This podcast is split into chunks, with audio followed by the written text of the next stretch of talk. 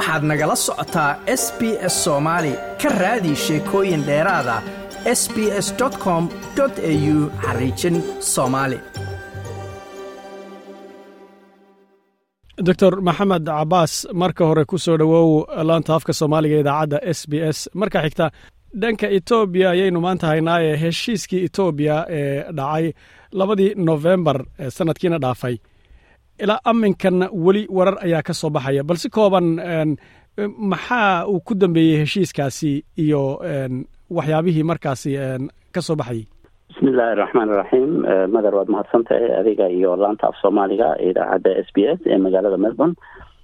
Saan ognahay heshiiskaas waxaa waday ururka midooda africa iyagoo u xil saaray madaxweynihii hore ee dalkaasi nigeria obasanjo muddo dheer kadib wejigii hore kenya lagu qabtay madi markii dambena dalka koonfur africa labadii bisha november labada kun iyo laba iyo labaatan ayay dowladda federaalka etoobiya iyo jabhadda t b lftu ay heshiiska wada saxeexeen.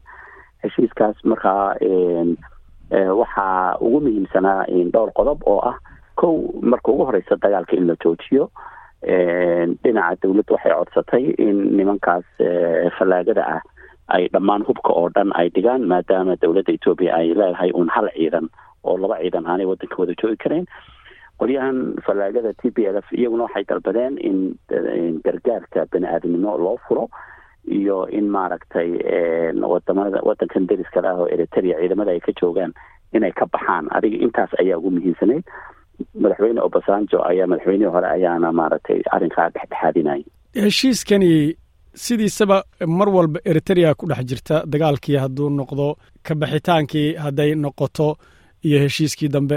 Eritrea maxay ka matalaysaa heshiiskan? Runtii iyagaaba lafdhabar u ah sababtoo ah in dagaalka dagaalka qeyb weyn ayay ku qaat ay ka qaateen in maaragtay nimanka fallaagada ah la jebiyo oo oo saad ogtahay sannadkii labada kun iyo koob iyo labaatankii ku goodinayay inay soo aadi doonaan dhinaca caasimada dowladdana ay kala diri doonaan marka awood aada u ballaaran oo xagga ciidanka oo dowladda federaalka etoobiya ay ka heshay eritrea ayaa qeyb weyn ka qaatay in nimankii jabhadda ahayd nimanka fallaagada ahaa ee t b l f si xun loo jebiyo marka mar walba wadahadalka iyo arrin kasta oo u dhexaysa dowladda federaalka etoobiya iyo fallaagada t b l f eritrea qeyb weyn ayay ka tahay. Haatan hadday noqoto heshiiskaasi marar badan warar baa soo baxaya ku saabsan saamaynta heshiiskan siyaasadda heerka caalamigu ay ku hayso. Sideed u aragtaa heshiiskaas iyo saamaynta ay ku leeyihiin dalalka siyaasadaha adduunka ku tun weyn saameyntooda warbixin ay qortay bishan aynu ku jirno janaayo koob iyo labaatankeedii.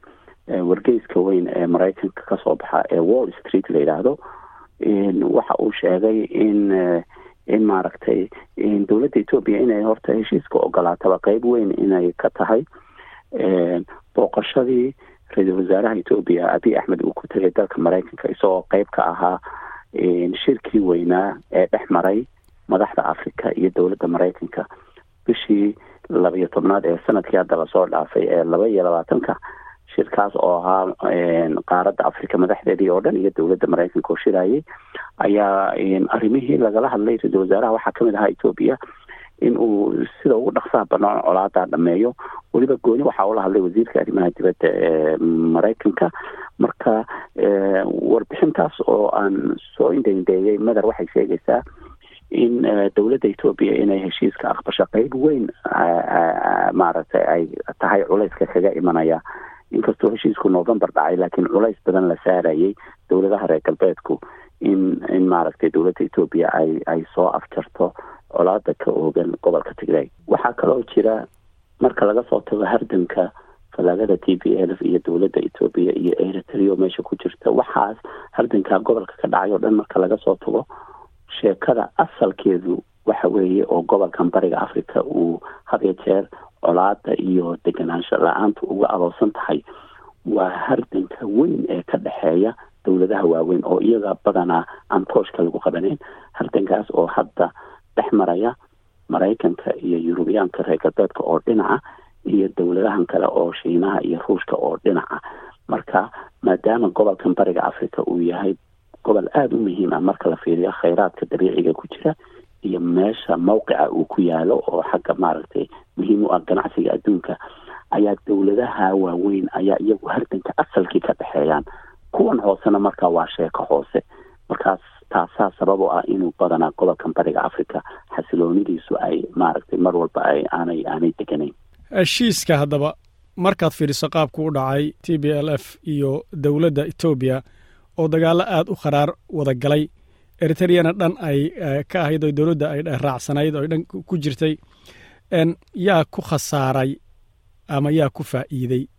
Runtii burbur badan baa uu dalka ku keenay. Inkastoo uu gobolkaa ku ekaa waxoogaa xagga siyaasadda arrimaha dibadda markaad fiiriso waxaad moodaa in culays badan dowladda etoobiya uu soo saarmay dhinaca maraykanka iyo dowladaha yurub. Oo maaragtay wejigii hore ee loo hayay uu hoos u dhacay xagga siyaasadda weya laakiin xag ciidan ahaan marka la fiiriyo runtii nimankaa fallaagada ahaayo niman dhib badan ah oo iyagu muddo dheer etoobiya soo xukumayay aynu ognahay soddon sano ku dhowaad deegaankii waa ka burburay. Ciidankoodii xooggiisii waa la jebiyey. Dadkoodiina in gudaha qaxoonti ku ah iyo in dhinaca suudan u carartay ayay noqdeen. Marka labada dhinac haddii la fiiriyo khasaaraha ugu weyni ciidan ahaan iyo dhaqaal ahaan iyo burbur ahaanba waxa uu soo gaaray nimanka fallaagada ah iyo iyo deegaanka ay degan yihiin. Ugu dambeynta haddaan dhanka kale etoobiya heshiiska kadib weji kee ah ayaa la filayaa inay u muuqato. Sababtoo ah haddaynu dhan kale u eegno heshiiskan andhaho dagaaladan iyo heshiisyadan haddan ku xigayba waxaad moodaysay in laysku haystay. Etoobiya federaal ha sii ahaato oo qowmiyaduhu ha helaan xorriyadaadkoodii koobnaa. Iyo etoobiya inay dowlad hal meel laga xukumo noqoto oo dowladda federaalku ay u weji ekayd wejigeedu u ekaa iyo say u socotay in iyadu sidan rabto. Marka hadda maxaa la filayaa etoobiya noocea in la arko mustaqbalka? Kolley siyaasaddu way isbedbedeshaa laakiin sida dastuurka etoobiya uu qorayo madar waxaynu la wada soconnaa waxay ku dhisan tahay ethnic federalism oo ah dowlad maaragtay dhexe oo qoomiyadaha etoobiya ay qoomiyad waliba ay si gooniya isu maamuleyso oo maaragtay dowlad federaala inay tahay oo oo ku dhisan xagga qowmiyaadka. Marka soomaali amxaaro tigray oromo canfar marka kaasi wuu jirayaa oo maaragtay waa sida nidaamka iyo dastuurka uu sheegayo. Laakiin marba ninka meesha jooga oo nidaamka federaalka iyo siduu u dhaqmo taasi waa arrin kale laakiin qaabka ay ku socon doonto waxay u eg tahay qaabkii hadda ay ku soo socotay oo ah inay ahaato dowlad nidaam federaal ah oo qowmiyaad ku dhisan.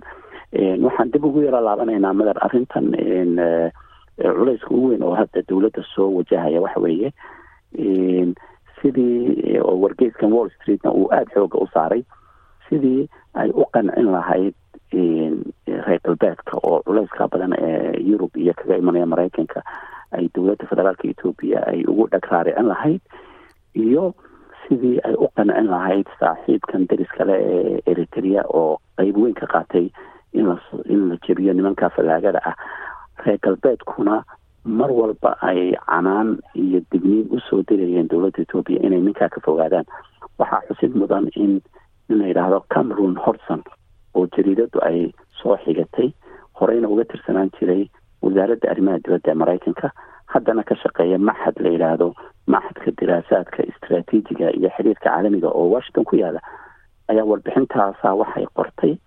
Aljazeera lafteeduna ay soo xigatay in uu yiri ra'iisul wasaaraha etoobiya wuxuu rabaa inuu reer galbeedkiina saaxiib la ahaado laakiin taasi suurtoobi maysa buu yidhi inta uu xiriirka la leeyahay ninka shaydaanka ah ee xukuma eritrea kelmadaas ayay warbaahintu ay soo qortay. Marka waxaad arkaysaa halka waxaa laga fahmayaa madar culayska etoobiya la saarayo in ay xiriirka u jarto siyaasi afawarga etoobiya markay danaheeda fiiriso oo xagga dagaalka nimanka ay kula jirtana waxoogaa way adag tahay inay ku ballan furaan ciidankii eritrea ee qeybta libaaxale ka qaatay in falaagadii t b l f cagta la mariyo intaas waxaa sii dheer isla wargeyska wuxuu sheegayaa ninka lagu magacaabo ridwaan xuseen oo ra'iisul wasaaraha etoobiya u qaabilsan arrimaha amniga ah mustashaarkiisa oo la taliya xagga amniga ah ayaa bishan janaayo aynu ku jirno ee labada kun iyo saddex labaatanka shir ay isugu yimaadeen hogaanka siyaasadda ee federaalka xukuma. Waxa uu ka sheegay in marnaba aanay suurtagal ahayn in ciidamada eriteria la dhaho iska baxa maadaama uu yidhi aad bay abaal noogu leeyihiin inaanu nimankii nimankii fallaagadahaa cagta aan marino. Marka culayska ugu badan oo hadda dowladda etoobiya saarani waa labadaasay isugu dheelitirahayd.